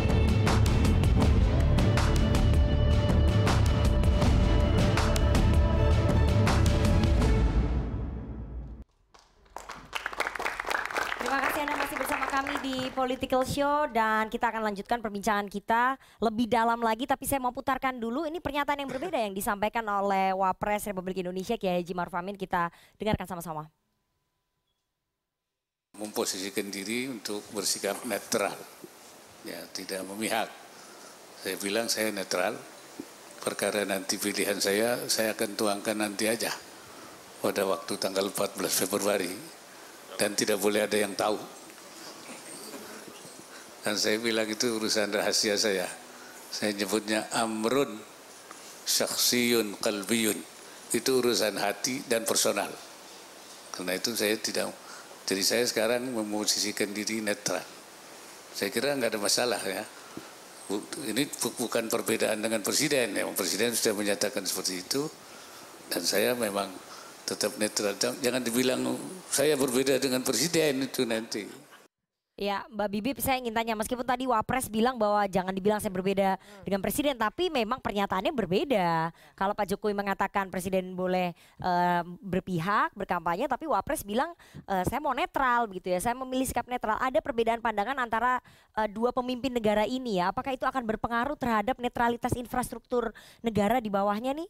Bingung nggak itu ntar di bawah? Iya, itu dia. Jadi kan eh, saya tanggapi dulu ya yang soal perdebatan pasal itu. Hmm. Saya tadi masih mencoba menjelaskan karena saya ingin publik itu dapat penjelasan yang lengkap, nggak cuma satu ayat. Tapi kita memang nggak bisa kalau berdebat pasal tuh tujuh hari tujuh malam nggak akan selesai. Orang hukum itu banyak banget metode penafsiran ini, ini segala macam nanti akhirnya harus dibawa ke hakim, bukan Ciko Hakim. Tapi eh, maksud saya adalah kita memang pada akhirnya harus melihat prinsip keadilan. Kan konstitusi kita pasal 22E jelas bilang langsung umum bebas rahasia jujur dan adil. Jadi keadilan itu kan sesuatu yang kita bisa perdebatkan pasalnya, kata per kata dan seterusnya. Tapi keadilan itu sesuatu yang bisa kita lihat dan kita rasakan. Jadi kalau orang menurut saya kalau punya kompas moral yang masih eh, benar gitu ya, pasti sudah melihatnya ada yang salah nih. Mungkin dia belum bisa mendefinisikan secara hukum, tapi kita akan tahu bahwa kok bansos dijadikan satu di rapel di bulan Februari padahal sampai Maret dan seterusnya. Itu kenapa ya? Pasti sudah ada rasa itu. Nah itu yang menurut saya memang nggak akan bisa selesai dengan pasal. Tapi intinya kalau pertanyaannya masa kita mesti ngatur presiden kita? Ya iya karena dia memang seorang kepala negara dan kepala pemerintahan bukan kepala keluarga nih konteksnya ya. Yang harus em, memenuhi ekspektasi kita terhadap bagaimana seorang pemimpin negara ini yang dalam situasi yang unik. Jadi kan memang ini unprecedented. Bahwa ada seorang presiden yang anaknya nyalon, pisah partai dan seterusnya ya dengan segala proses yang sangat unik itu baru sekali ini. Makanya undang-undang juga belum bisa mengcapture itu. Karena kan undang-undang pasti dari kasus empirik ya dan ini Ya. belum pernah terjadi. Belum pernah terjadi dalam sejarah demokrasi Betul. kita. Nah, jadi balik ke pertanyaan Nana tadi, apakah ini akan mempengaruhi yang di bawahnya? Jelas. Makanya kita punya ekspektasi seharusnya kalau saya sih setuju dengan Pak Wapres, sebaiknya tidak usah eh, menyatakan keberpihakan. Silakan dalam hati dan dalam TPS nanti gitu. Oke. Tap- eh, tentu saja yang di bawah, apalagi dengan situasi masyarakat kita yang juga sangat feudalistik, sangat ya kan kita kan biasa kan siap siap gitu ya. Jadi eh, perlu dibayangkan bahwa kalau seorang kepala seluruh ASN seluruh Indonesia, Ya. menurut undang-undang ASN kan kepalanya memang Pak Jokowi Pak kan. Jokowi betul. Dia bilang saya akan memihak, terus apa nasibnya nih ASN yang udah kita marahi karena Satpol PP misalnya waktu itu memihak. Terus saya juga baru baca tadi pagi ada seorang kepala desa lagi di sidang di NTB karena dia mengkampanyekan istrinya yang lagi nyalek. Pasalnya beda ya karena dia Ya. kepala desa 499 kalau saya nggak salah. Tapi kan itu menandakan bahwa nih ke bawahnya saja hukum sudah lumayan keras. Ini lagi proses sidang nih belum putus. Terus kepala ASN-nya malah menyatakan hal seperti itu. Nah, Itu itulah tidak yang memberikan contoh yang tidak baik memberikan tentu saja contoh ya. yang baik dan eh, tentu saja kita lagi-lagi harus melihat situasi unik yang sekarang dimiliki yang memang tidak bisa ditangkap oleh hukum, belumlah minimal. Oke, jadi potensi pelanggaran pemilunya akan semakin besar dengan pasca pernyataan Pak Jokowi ini efek domi, eh, akan memicu efek domino yang lebih besar. Ya, karena sudah keluar juga. Kalau nggak salah satu atau dua hari setelah pernyataan Pak Jokowi itu sudah ada eh, statement juga salah seorang kepala daerah. Saya lupa apa, tapi Ya. saya kira bisa dicek sebentar di HP kita masing-masing pasti gampang keluarnya. Bahwa dia sudah bilang bahwa silakan ASN di bawah saya boleh memihak. Kurang lebih seperti itu. Beritanya saya kurang, tapi itu headline. Oke. Jadi itu sudah pengaruhnya sudah kelihatan. Oke, karena eh, dalam satu eh, acara yang kita dapatkan menantunya Pak Jokowi yang juga wali kota Medan ini membuat acara bersama dengan para ASN-nya, bersama dengan istrinya dan semuanya memakai baju biru begitu. Oh, itu juga ya. itu kan kemudian eh, memicu pertanyaan publik tentu saja ya, di mana netralitas ASN? Ya, Mbak. eh, jadi nah ini lagi tuh kalau bicara ASN kan kita juga nggak hanya bicara undang-undang pemilu ya, tapi ada undang-undang ASN. Ya. Nah undang-undang ASN-nya sudah diubah duluan bulan November yang meniadakan KASN. KASN sehingga mereka juga punya tantangan tersendiri untuk diproses secara administrasi. Sulit pengawasannya. Silakan eh, Bang Hasan menantunya Pak Jokowi, wali kota Medan meskipun bukan ASN tapi mema- memin- eh, tapi semua pesertanya itu yang ASN menggunakan baju biru. Itu gimana ya? tenaga pendamping desa ketika dikumpulkan semuanya berbaju hijau. Hmm. Kepala desa-kepala desa di Indramayu ketika diajak jalan-jalan ke Jogja semuanya berbaju merah Hmm. karena upatinya PDIP. Oke. Tenaga pendamping desa menterinya apa? Warna PKB. hijau. Ya. Ya. Ketika misalnya Bobby melakukannya kayak gitu terus kemudian di- dianggap nggak fair, yang lain fair. Hmm. Ini ini kejadian di banyak pihak nih. Saya ingin meluruskan. Kalau logika yang dibangun kayak tadi, bahwa kalau kepalanya nggak netral, maka yang di bawah-bawahnya juga terancam nggak netral. Berarti nggak boleh presiden maju dua kali. Hmm. Kan logika itu Tapi kan sama kejadian. diatur. Ikan logikanya sama. Hmm. Ini kan kita harus fair aja nilai ini. Kalau begitu logika yang dibangun, bahwa kalau pemimpin tertingginya berpihak, ya maka di bawahnya akan ikut goyang, maka presiden nggak boleh dua kali loh. Hmm. Sekali aja di republik ini. Karena begitu dia maju untuk kedua kalinya, dia kepalanya, dia juga calonnya. Tapi kan di konstitusi diperbolehkan. Ini kan juga diperbolehkan konstitusi. maju. Gini, yang saya permasalahan, ada petahana. kalau logikanya, ini kan nggak ada salah dan benar di sini nih. Tadi dibolehkan dalam undang-undang, tadi bilang, "Ah, ya ini eh, pikirannya soal keadilan, pikirannya soal netralitas. Secara normatifnya kan ada, ya kan? Kalau logikanya, ingat lagi kata-katanya, kalau logika yang dibangun adalah kalau kepalanya berpihak, yang di bawahnya goyang, bupati nggak boleh maju dua kali. Hmm. Ya, gubernur nggak boleh maju dua kali. Oke. Presiden nggak boleh maju dua kali. Apa bedanya berpihak sama dirinya sendiri dengan berpihak sama orang? Itu kan berpihak juga. Oke. Ini kita punya kesalahan dalam berpikir, ya, nggak adil juga dalam berpikir sehingga apa pun yang dilakukan oleh Pak Jokowi sekarang salah. Oke. Makan aja pakai diatur-atur sekarang mau makan dengan siapa? Makan dengan Pak Prabowo juga dianggap salah. Ya kalau Pak, Pak, Pak Jokowi makan dengan semua capres itu nggak menjadi masalah. Masalah kan Pernah ini makan dalam dengan musim tiga capres, kan? kampanye, Makan musim dengan tiga capres kontestasi, publik bisa menafsirkan macam-macam apa yang dilakukan seorang pemimpin. Nah, saya sepakat, aneh saya ya. sepakat gini. Dengan memegangkan Rifana, hukum DMK. Saya tidak pernah mengunderestimate masyarakat. Oke. Saya sepakat dengan Bang Bestari tadi. Masyarakat nggak bisa dikendalikan dan dipengaruhi begitu begitu loh. Masyarakat kita punya rasionalitasnya sendiri-sendiri. Kita di ruangan ini kadang-kadang suka teriak-teriak suara rakyat, suara Tuhan. Hmm. Tapi di lain pihak beda satu menit, dua menit kita berpikir masyarakat bisa dikendalikan. Masyarakat bisa diintimidasi. Oke. Masyarakat bisa diarah-arahkan. Hmm. Fair dong. Kalau kita misalnya sepakat suara rakyat, suara Tuhan itu, masyarakat nggak bodoh. Tadi siapa yang bilang?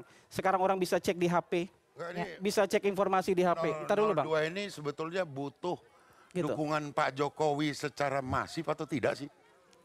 Bang, kita Ya, tidak kalau perlu iya, iya, gini, kalau enggak, begini, enggak. Bang. Biar nggak saya sudah panjang bilang, perdebatannya. Loh, yang mempermasalahkan ini kan yang lain. Kita Enggak, pernah kalau Pak Jokowi ini. diharapkan nggak oleh Pak Prabowo, Pak Jokowi ini mengkampanyekan Kan Pak, Jo- Pak Prabowo udah ngomong kami timnya Pak Jokowi. Bang, Pak Jokowi biar- itu gini, biar jelas tidak ada gitu. desain Pak Jokowi berkampanye. Ah. Ya, Pak Jokowi juga saya yakin tidak akan berkampanye. Pak Jokowi kan menjawab pertanyaan wartawan. Ya, Yang oke. ribut ini kan orang yang Jadi gini, jadi gini, Pak sorry, Jokowi sorry. menjawab pertanyaan wartawan. Ini kan Gini, Iya, tapi kan harap tunggu tunggu tunggu. Masalah abang Ini apa kalau misalnya Pak harapan, Jokowi bukan harapan dari apa? 02 ada nggak Pak Jokowi ini sebetulnya atau atau bilang aja begini, udah Pak Jokowi jangan kampanyekan kami Bang, atau kan begitu. Pak Jokowi kami yakin sudah 100% di belakang kami, Bang. Oh begitu? Iyalah. Berarti you berharap Pak Jokowi mengkampanyekan paslon nomor 2? Nggak perlu berkampanye, Bang. Sudah di belakang kita, masyarakat sudah bisa lihat. Ya, di, Saya kalau kan cuma sudah di bilang. belakang, kalau tidak berkampanye kan berarti Apa bedanya, Bang, persepsi Kenapa nggak publik? langsung begitu Iya. secara terbuka? Loh, ma- belum langsung aja banyak yang ribut. Hmm. Baga- kan gini, Bang. ribut. Kalau kampanye kan masa mesti diam-diam di belakang. Bukan, belum belum ini aja banyak yang ribut gini. Masyarakat nggak akan Ya. ketukar, Bang. Oke. Pak Jokowi kampanye nggak kampanye. Ya artinya nggak perlu dengan Pak Jokowi ini mengkampanyekan Pak Prabowo gitu. Ya, dia mau nge-spin. Ya bukan, ini gimana sih? mantan wartawan, Bang, nggak bisa Bang swing-swing gitu. Ya. Kami sudah yakin Pak Jokowi bersama kami. Nggak perlu Abang tanya lagi. Ya tapi Pak Jokowi belum pernah menyatakan bahwa dia bersama Anda. Nah, biarin aja, nggak mungkin bersama Abang. Ya kalau itu kan memang dari jauh hari. bersama ini Ya. juga, tuh bersama Itu siapa lagi? kan kita mbak maju terus, pantang mundur gitu. Ya itu terus apa masalahnya? Nggak mungkin bersama Abang, nggak mungkin bersama Mas Ciko juga bersama kami lah. Iya, artinya memang membutuhkan itu. Karena gini, kalau tadi ada yang menyampaikan kegalauan dari Pak Prabowo, saya meyakini bahwa kegagalan kegalauan Pak Prabowo itu disambut dengan dukungan yang lebih eh, masif lagi tentunya. Perlu gitu loh. Gini Bang, ini migrasi pemilih sudah selesai Bang. Hmm. Ya angka-angka survei nanti bulan depan. Ya kalau udah selesai berarti nggak bisa ada satu putaran sepakat dulu kita. Enggak satu putaran. Dari mana orang cuma 45? Ya nanti lihat aja. Ya kalau lihat aja putaran. nanti nanti Oke, jangan jangan diri cuma Bang sama silakan. Bang Ciko. Bang Ciko Lihat silakan. aja. Eh, jadi disampaikan ini udah jelas memang Pak Jokowi ada di mana itu kan udah jelas Udah gitu. jelas. Masalahnya ya kan ini kan melakukan kampanye-kampanye yang terselubung dan ini orang lain semua bisa lihat tadi makan ya kan mengundang ini mengundang itu tanpa mengundang yang lain dan lain-lain. Hasan Nasbi berada di sini berbicara sebagai juru bicara Jokowi saya dengar dari tadi. Iya kan sebagai juru bicara Jokowi. Jadi Jokowi ini secara tidak langsung he's the shadow ketua Dewan Kehormatan TKN misalnya. Ini Itu udah jelas. Kenapa tidak diperjelas saja? Supaya apa? Supaya ada si subject to the regulations of KPU. Jadi kalau ada pelanggaran dia bisa melanggar. Kalau dalam cuti itu diperhatikan oleh Bawaslu apakah dia menggunakan fasilitas negara, apakah dia menggunakan uang negara dalam kampanyenya itu bisa dilihat. Tapi sekarang kan enggak. Sekarang dia menggunakan fasilitas negara. Di dalam mobil RI1 yang dibayar oleh negara, dibeli oleh negara, dibeliin bensinnya oleh negara. Ada tangan men- mengatakan eh, apa mencorongkan dua. jari dua dan lain-lain. Apakah itu belum ada pelanggaran? Nah, ini yang masyarakat ingin eh, melihat lebih jelas lagi. Saya kita nggak ada masalah. Tadi saya katakan, kita nggak merasa dirugikan. Kita punya strategi sendiri untuk memenangkan Pilpres ini. Justru mungkin ini lagi testing the water. Apakah gua rugi kalau kampanye apa enggak nih ya? Iya. Gitu. Nih, Anda melihatnya testing the water. Iya, lebih ke arah situ. Melihat reaksi Nih, publik gimana seperti reaksi publik ya kan? Gimana Rifana nanti membahasnya ya kan? Nyebelin nggak? Ya Iya. kan gitu. Itu Oke, yang saya mau ke. Mas Esat. Mas Esat, apakah ini strategi testing the water ya Pak Jokowi? Kira-kira kalau misalnya saya kampanye di hari terakhir, kampanye Akbar tanggal 10 Februari, masyarakat akan menerima atau ini memang ya Pak Jokowi mau ya kampanye, ya setiap hari ini udah kampanye aja. Iya Pak Jokowi kan memang berkampanye gitu. Hmm. Jadi kalau dalam komunikasi, selama pesan komunikasinya tidak disampaikan ke publik, Hmm. itu kan bukan eh, kampanye komunikasi tuh. Tapi kan yang dilakukan oleh Pak Jokowi adalah menyampaikan pesan komunikasi itu ke publik. Dia bersepeda bersama AHY. Bisa nggak? Kalau bersepedanya nggak di spill-spill ke publik kan bisa juga. Hmm. Kenapa? Memang ada niat ya Memang ada untuk niat. mengirim pesan itu ke publik. Iya, jadi memang begitu. Ketika Apalagi makan kan- bakso juga mengirim pesan ke publik. Iya kan bisa Oke. dia nggak usah nggak usah diperlihatkan ke publik. Hmm. Misalnya ya, ini dalam rangka antara eh, presiden dan Menhan, ya jelasin aja. Ini pertemuan antara presiden dan Menhan. So artinya kalau ada presiden dan Menhan kan itu jelas. Berarti eh, dua pejabat negara sedang tampil nih. Tapi kan masalahnya adalah yang satu ini calon presiden. Nah, saya sih begini ya, Nana. Kalau kemudian Pak Jokowi melakukan ini semua, dia sudah peringatkan kita Juni 2023 lalu. Dia mengatakan bahwa dia ingin cawe-cawe. Hmm. Gitu. Ya sudah. Kalau memang pasangan 01 dan 03 melihat ada cawe-cawe yang berlebihan, kemudian kecurangan-kecurangannya juga sudah TSM, nggak mungkin lagi dikalahkan, ya mundur aja 01 dan 03. Hmm, Anda menyarankan Pilpres. begitu? Ya, supaya apa? Pilpresnya nggak bisa dong, berarti Pak Jokowi memperpanjang masa jabatan, kan cuma Bentar, diikuti satu belum. paslon. Asal, asal pemakzulannya jalan. Supaya apa? Supaya clear lagi. Oke. Supaya memang kecurangan-kecurangan lagi, itu Bang. terjadi. Ya makanya maksud saya begini loh. Kan kita sudah tahu anaknya Pak Jokowi Maju. maju. Nggak ada yang ingin melihat anaknya kalah pada saat dia berkuasa. Oke. Dia akan pasti cawe-cawe gitu. Hmm. Dia akan lakukan semuanya. Oke. Jadi kalau kemudian eh, 0103 protes kan pertanyaan kita adalah lu mau protes sampai mana? Hmm. Marahnya mau sampai mana? Marah banget apa marah aja apa marah ya udah? Hmm. Gitu loh. Kalau marah ya udah kan dia udah dijalanin aja ini. Hmm. Akhirnya kita melihat gaya-gaya Pak Jokowi itu lagi. Yang paling saya doakan adalah rakyat kesel. Rakyat marah, Tapi rakyat dengan pengucuran bansos 11 triliun, kemudian eh, beras yang dari enam bulan direkap jadi satu bulan, eh, Nah, dirapel jadi satu bulan jangan itu. meragukan intelijensia rakyat Indonesia lah. Oke. Jadi maksud saya rakyat juga paham. Kalau kemudian si presiden ini bablas terus, masa iya sih nggak ada yang marah? Masa iya sih nggak ada Tapi nyatanya statistik menyebutkan approval ratingnya Pak Jokowi tinggi. tapi Nggak kan- geser tuh Bang Sen- tapi Mas Sensa. lewat 50 persen. Hmm. Kalau saya sih Prabowo Gibran itu Jokowi menyumbang elektabilitas paling tinggi, kemudian Prabowo Gibran nggak ada. Hmm. Gibran tuh bapaknya yang nyumbang. Oke. Jadi emang kenyataannya begitu. Hmm. Jadi kalau kemudian balik lagi ya, kalau kemudian Pak Jokowi mengatakan bahwa presiden boleh lo kampanye, presiden boleh lo memihak, itu dia menyampaikan bila ada pertanyaan lagi dari publik. Kok Pak Jokowi begitu kan? Saya udah bilang presiden boleh berkampanye. Oke, tapi Kok saya ingin Pak Jokowi begitu kan? Presiden, eh, saya udah bilang presiden boleh. Oke, tapi itu Anda melihatnya penyampaian Pak Jokowi secara terbuka di depan publik soal boleh berpihak, boleh berkampanye itu bukan tanda kepanikan ya. Kalau dalam permainan catur ketika raja sudah turun ke arena permainan itu kan berarti Medan sudah mulai kacau balau nih. Oh bukan cuma panik menurut saya, dia panik, bingung, marah. Karena elektabilitasnya stagnan, tid- eh, mengantisipasi putaran dua, Anda melihatnya begitu? Oh iya, macam-macam kan dia sudah menyerahkan anaknya ke orang yang dua kali dia kalahkan. Hmm. Mungkin ditanya waktu itu, sehat nggak lu? Sehat. Buktinya apa? Nah ini sehat nih tuh. gitu akhirnya ya udah maju, majulah gitu ya. Pak Prabowo bersama Gibran, dia titipkan anaknya. Tapi kok lihat-lihat, lah ini gimana sih? Nggak naik-naik ini. Nah akhirnya dalam kondisi seperti itu dia harus all Dia harus out. all out. Harus Oke. all out. Dia jadi Oke. berperan sebagai ayahanda. Ya, Ya kan? setuju. Nah, Oke. gitu tuh. Udah, udah selesai kita. Ya, silakan eh, Mas Hasan. Jadi Pak Jokowi harus all out karena ya medan pertempurannya itu Jadi yang tempur ini Pak Jokowi atau Pak Prabowo sih sebenarnya ini. Ya Pak Jokowi sebetulnya, Pak Prabowo Jangan. ngarepin Pak Jokowi bantuin dia. Oke, jadi yang bertempur saat ini satu tiga melawan Pak Jokowi begitu, Mas eh, Pak Bes- eh, Bang Bestari. Kenapa saya tanya begitu begini, Pak Jokowi ini kan harus atur bangsa ini supaya baik, bagus, itu jangan direpot-repotkan lagi gitu loh. Hmm. Bisa nggak kira-kira disampaikan gitu, Pak Jokowi jangan Kita kan sudah bilang dari tadi, Pak Jokowi belum pernah sekalipun ikut kampanye oh, dan tidak punya rencana untuk ikut kampanye. Jadi lihat aja yang kejadian aja lah. Kan gini, kenapa tidak mau menerima fakta bahwa Pak Jokowi mengatakan itu ketika ditanya? Hmm. Gitu. Kalau Pak Jokowi nggak ditanya kan dia nggak mengatakan itu. Oke. apa dalam pertemuan itu mungkin ada tolonglah Pak gitu enggak? Ya, gimana? Nggak nggak ada jadi jadi jangan berasumsi-asumsi kayak gitu. Mana Jadi tahu gini, kan ini kan gini, kita kan bertanya. gini, saya tuh pengen meluruskan aja. Masyarakat tuh kan mau kita seatraktif apa pun bicara di sini, masyarakat kan paham. Yang harusnya panik bukan pasangan Prabowo Gibran. Hmm.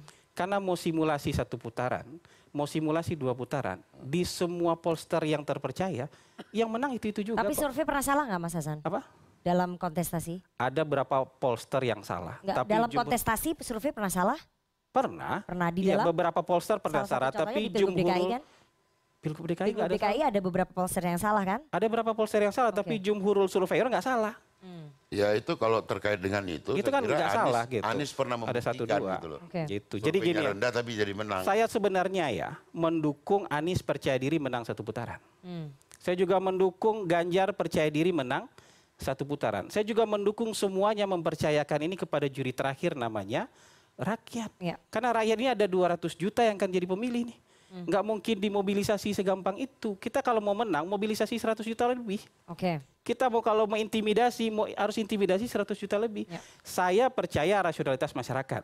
Tadi saya kira juga Mas Bestari juga percaya rasionalitas masyarakat. Kalau misalnya ada yang dianggap tidak pantas menurut saya ya, masyarakat akan balik badan kok. Hmm, Oke. Ya kan masyarakat akan tidak mau memilih kok. Oke. Karena masyarakat kita hari ini menurut saya dapat informasi yang memadai dan dan baik. Jadi kalau begini, ya sorry nih, dalam ruangan ini ya, saya bilang ini perkara yang sangat sederhana, Hmm. tapi kemudian dijadikan keributan. Oke, ini tidak Perkara sederhana, sederhana karena dijadikan disampaikan keributan. oleh kepala negara. Sederhana ini jadikan keributan. Makan Oke. bakso aja dijadikan keributan kok. Ya. Main sepeda aja dijadikan keributan kok. Hmm. Persoalan-persoalannya gini. Tujuh bulan lalu, Adian Napitupulu silakan cek beritanya. Adian Napitupulu bilang Pak Jokowi akan waktu masih baik-baik nih Ya, akan menjadi bagian dari tim kampanye Ganjar. secara yang resmi. Nggak ada yang ribut, nggak ada yang ribut kok. Ya kalau secara resmi kan memang nggak apa-apa. Iya, Hasto bilang Pak Jokowi akan cawe-cawe untuk memenangkan Ganjar. Nggak ada yang Oke. ribut kok. Ya. Tapi Gitu. gini Bang Hasan, Nggak ada yang ribut. kalau ada kesalahan yang berulang-ulang bukan jadi artinya ada pembenaran gitu. Bukan, Jadi bukan kalau kesalahan. pelanggaran-pelanggaran Bukan. misalnya tadi yang Ini nggak ada pelanggaran hijau, loh. Kemudian Nggak ada, nggak ada pelanggaran. apa loh. namanya yang kuning tadi, terus kemudian ada merah, kemudian eh, sekarang ada yang dilakukan eh, Mas Bobi itu jadi benar karena sering kali pelanggaran-pelanggaran tidak ditegur. Itu wrong ya. doesn't nggak make gitu right lah ya. juga, gitu. Enggak, menurut saya gitu kita juga. kita itu terlalu sensitif sama simbol. Sama, kemudian yang tadi Ini dicontohkan Ciko gunakan dengan oleh Ciko- begitu. Ciko nggak Pak berani Jokowi. pakai baju Pak biru. Jokowi juga pernah simbol Hasan. Karena Pak Jokowi sensitif Habis main ya. Nyebut dua. Terus kalau mau ka- kalah dua ASN nggak boleh foto pakai jari, Bang Hasan. Emang nggak boleh ASN. Ya, ya. ASN Pak Jokowi boleh ya. Ada undang-undangnya boleh. Orang Ya. politik boleh. Oke. Gimana gimana? Maksudnya Mau nanya apa? sama-sama Pertanyaan ya. baru aja, Oke, pertanyaan baru. ya, Gini, Jadi kalau kalau menurut kenapa eh, nggak berani pakai baju biru? Oke, Karena paslon gue satu. terlalu keren, ntar orang pada milih biru Oke, lagi. ya. silakan uh, Mas pakai Jadi biru. satu dan tiga ini merasa saat ini sedang melawan Pak Jokowi. Enggak, kita nggak merasa itu. Kita sedang mencari suara untuk memenangkan pilpres ini. Syukur-syukur bisa satu putaran. Kalau dua putaran putaran juga nggak apa-apa. Yang penting Ganjar jadi presiden, Mahfud jadi wakil presiden. Itu nomor Oke. satu. Itu menjadi Ya. konsentrasi kita. Tapi tadi saya men, me- menarik apa yang dikatakan Mbak Bibit tadi. Ya kan, this is something unprecedented. Bukan unprecedented cuma di negara kita rasanya. Di negara demokrasi lain juga ini unprecedented. Di mana seorang presiden sedang mengkampanyekan anak kandungnya. Itu terjadi di mati kan. Filipina. Eh, se- presiden sebelumnya persis ya. Iya. Oh iya iya Ya, iya. iya. Filipina. Ya. Ketika Oh, anaknya iya, iya. maju Ya, juga betul, sebagai betul, wapres betul, Sarah betul, Duterte. betul, betul. Ya. Saya setuju. Tapi kan kita masuk membandingkan diri sama Filipina sih. Iya. Ya kan itu satu. Tapi kan kita intinya negara ini kan tidak kita reformasi ini tuh bukan ini tujuannya. Ju- Ujungnya reformasi itu bukan ini. Saya ingin nanya sama Mbak Bibit. Undang-undang apa yang harus kita buat sehingga hal-hal seperti ini tidak terjadi lagi? Dan this is Oke. this has to stop once and for all. Ini masyarakat sudah muak. Masyarakat yang benar-benar memilih dengan hati nurani yang tidak memerlukan eh, bantuan dan sokongan dari pemerintah untuk menyambung hidupnya, saya rasa banyak yang sudah muak dan orang-orang yang menerima bansos pun juga udah banyak yang udah muak. Jadi ini bukan bukan lagi hal yang menjadi rahasia Oke. publik. Itulah kenapa dengan modal suara Prabowo yang di atas 45% di pemilu sebelumnya dan approval rating 80%-nya Pak Jokowi itu tidak dapat diterjemahkan menjadi 70% di dalam eh, survei-survei. Nah, itu artinya masyarakat sudah ngerti. Nah, caranya bagaimana Mbak Bibi nanti untuk Mbak menghentikan ini semua? Oke, saya sebentar. Kita udah mau break nih. Ya, saya kira saya menambahkan begini bahwa Bentar, saya kira lagi. Pak Jokowi adalah politisi yang tangguh dan kemudian juga bila mana hari ini Pak Jokowi menempatkan dirinya keber- dalam ke satu keberpihakan itu bisa justru mengurangi eh, popularitasnya di depan publik. Oke. Jadi kalau ini sebagai satu testing the water katanya atau apa, tapi saya kira Pak Jokowi hanya ingin menyampaikan bahwa ada peraturan undang-undang seperti ini. Hmm. Tapi kalau dibilang berpihak secara langsung itu akan drop jauh dan ini sungguh beresiko buat beliau ketika beliau akan landing mulus. Pak Jokowi sudah tahu resikonya mungkin ya. Beresiko, sangat Oke, beresiko oke. bagi beliau dan Abang bijak kita sekali, patut Bang. Oke. kita patut kemudian eh, memberikan apresiasi ketika Pak Jokowi netral, senetral netralnya. Itu harapannya. Apakah kemudian mahasiswa di sini muak begitu ya seperti yang tadi dibilang oleh Bang Ciko? Apakah betul seperti itu atau justru sebaliknya masyarakat sudah eh, pinter kalau menurut Mas Hasan nggak bisa dipengaruhi tapi kita harus jeda terlebih dahulu. Jangan ke mana-mana tetap bersama kami di Political Show.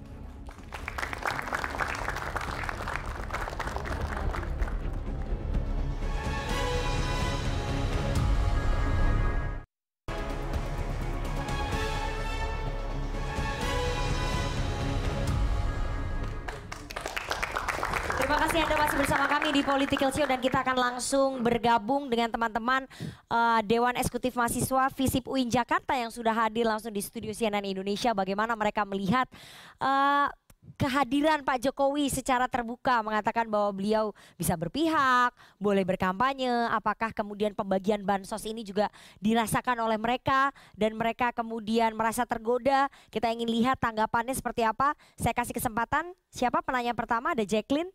Silakan. Ya, em, izinkan saya berke- memperkenalkan diri. Nama saya Jacqueline Caroline dari eh, FISIP UIN Jakarta. Eh, pertanyaan saya ditujukan kepada Bapak pakar komunikasi politik.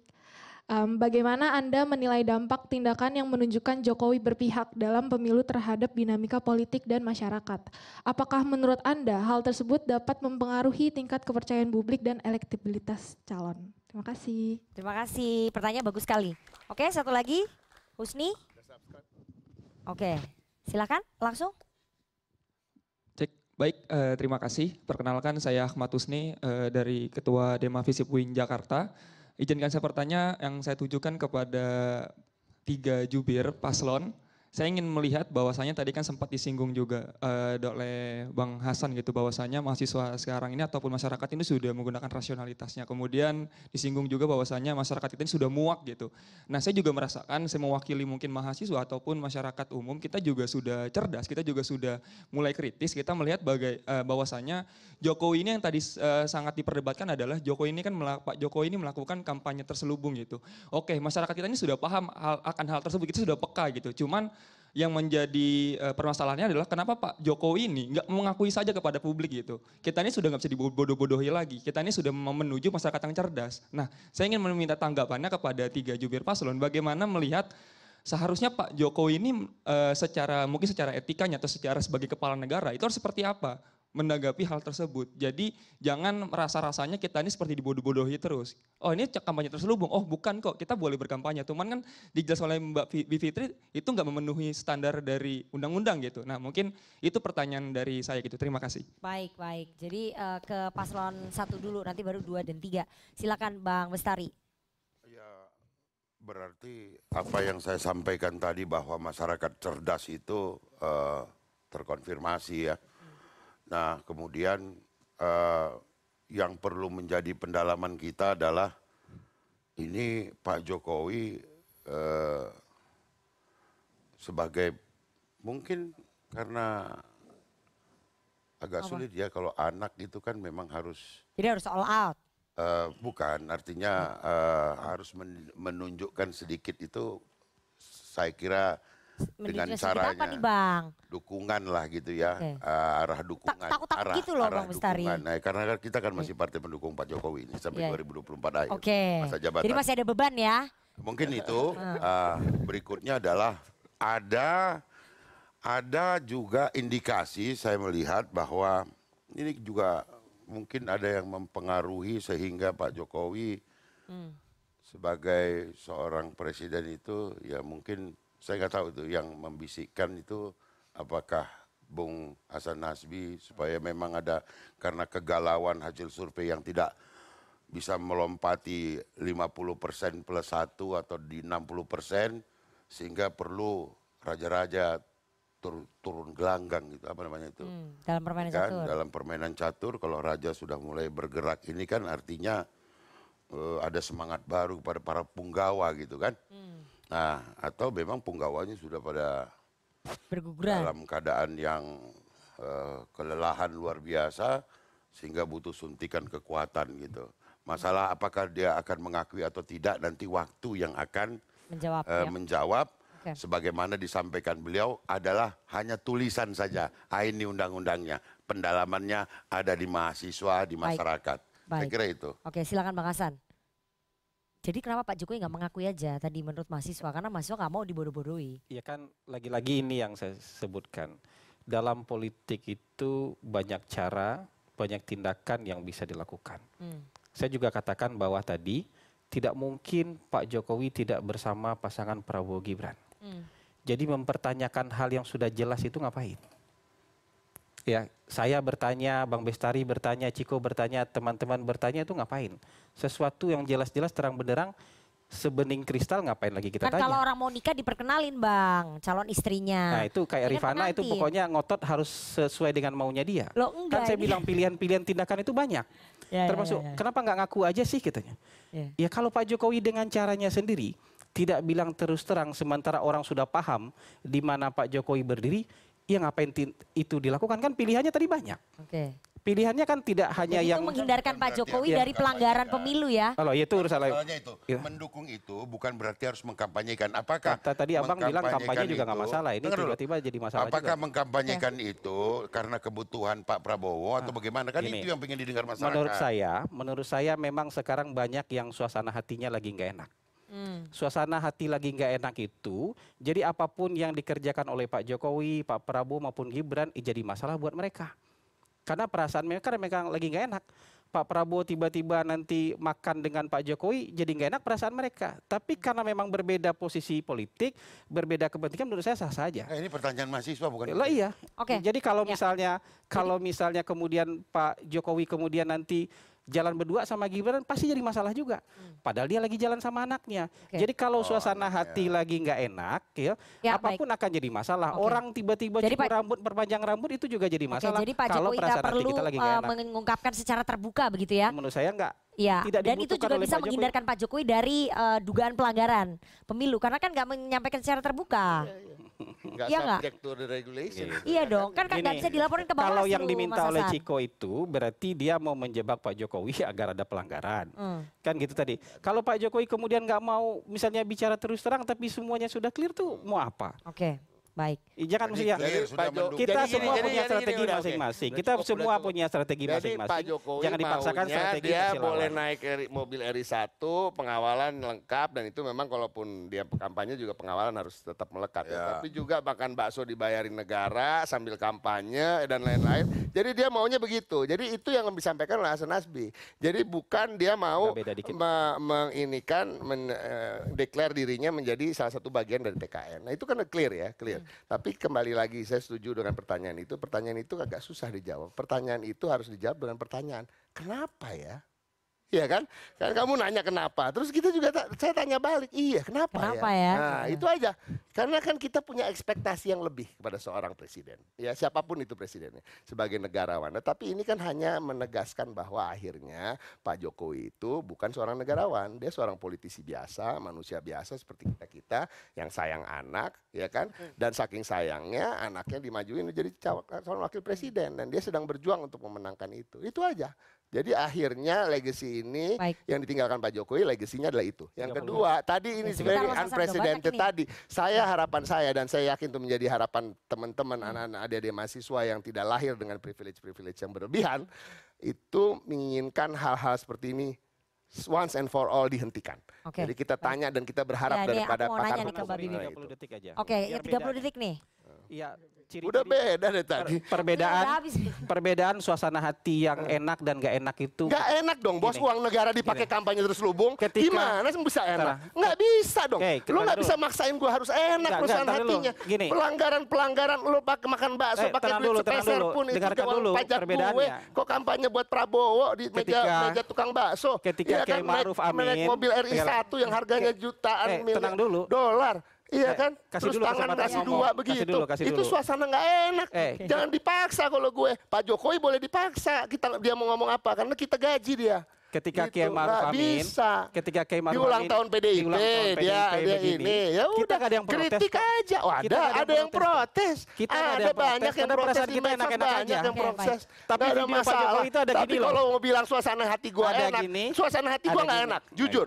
Karena gua nggak Ya, terima akhirnya diakui, uang diakui, negara dipakai buat kampanye. Oke, Gitu. baik, baik. Ini waktunya udah mau habis, jadi nanti kita bikin episode berikutnya. Hati saya dong. Oke. Oke, Mas Ensat, pertanyaan itu tadi. Ayo, silakan dijawab tadi khusus buat Mas Ensat itu. Ya tadi suasana hati saya ya. Bukan suasana hati itu, pertanyaannya Jacqueline tadi. Iya tadi Jacqueline kan nanya ya, eh, ada nggak keuntungan elektabilitas setelah didukung Pak Jokowi? Ya, ada keuntungan atau kerugian. Berdampak gak pada elektoral paslon kan? Ya, gitu kan setelah didukung Pak Jokowi kan. Ya ada lah. Makanya kemudian sibuk kan Pak Jokowi juga. Sibuk menunjukkan, sibuk eh, menjelaskan. Karena memang dia tahu bahwa dirinya masih berdampak. Bahkan eh, menurut saya Prabowo Gibran itu yang memberikan elektabilitas itu Jokowi dan Prabowo. Gibrannya enggak. Jadi kalau kemudian ditanya apakah menguntungkan, menguntungkan Pak Prabowo, eh, pasangan kedua. Tapi apakah merugikan yang lain belum tentu juga. Kenapa? Karena memang jangan-jangan ada paslon yang tidak mengharapkan dukungan dari Pak Jokowi gitu ya. Kenapa saya katakan demikian? Karena mungkin ada juga yang mengatakan Pak Jokowi sudah bagian dari masa lalu karena sudah mendukung paslon lain misalnya. Atau ada yang mengusung perubahan jadi ya udah Pak Jokowi adalah presiden yang ketujuh sekarang kita cari presiden yang ke-8. Nah, kemudian apa dampaknya sebetulnya buat Indonesia? Nah, ini yang sebetulnya eh, teman-teman mahasiswa harus kritis juga.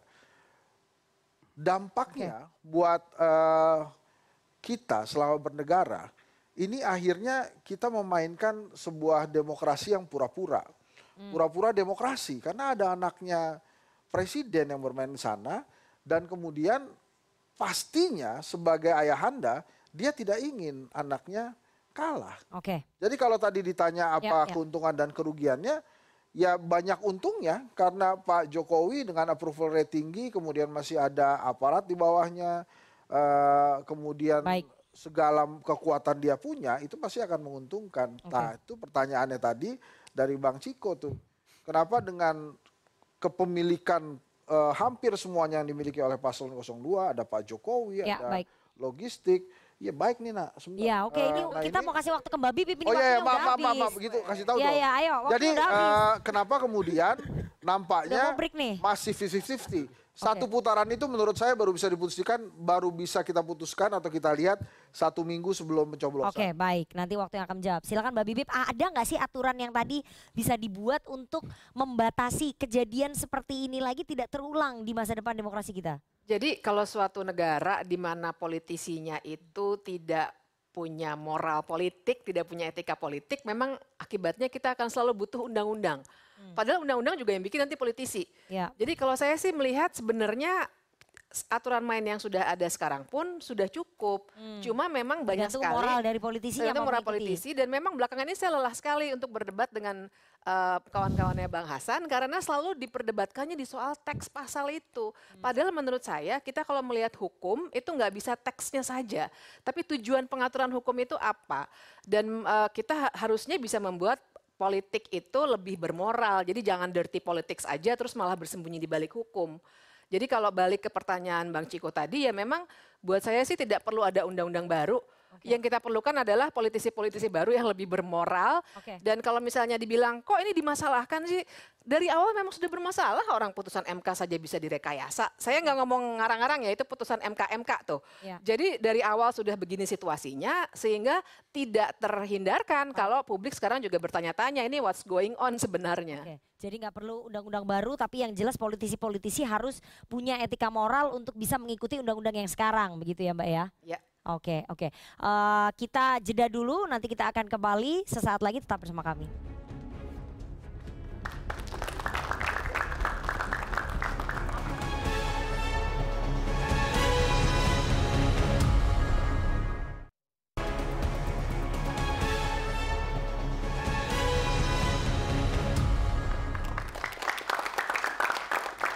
Dan sudah hampir satu jam setengah kita berdiskusi tadi soal bagaimana eh, tingkah pola ataupun manuver-manuver politik yang dilakukan oleh Pak Jokowi sehingga membuat eh, hiruk pikuk politik di dalam negeri dua minggu atau 14 hari jelang pencoblosan.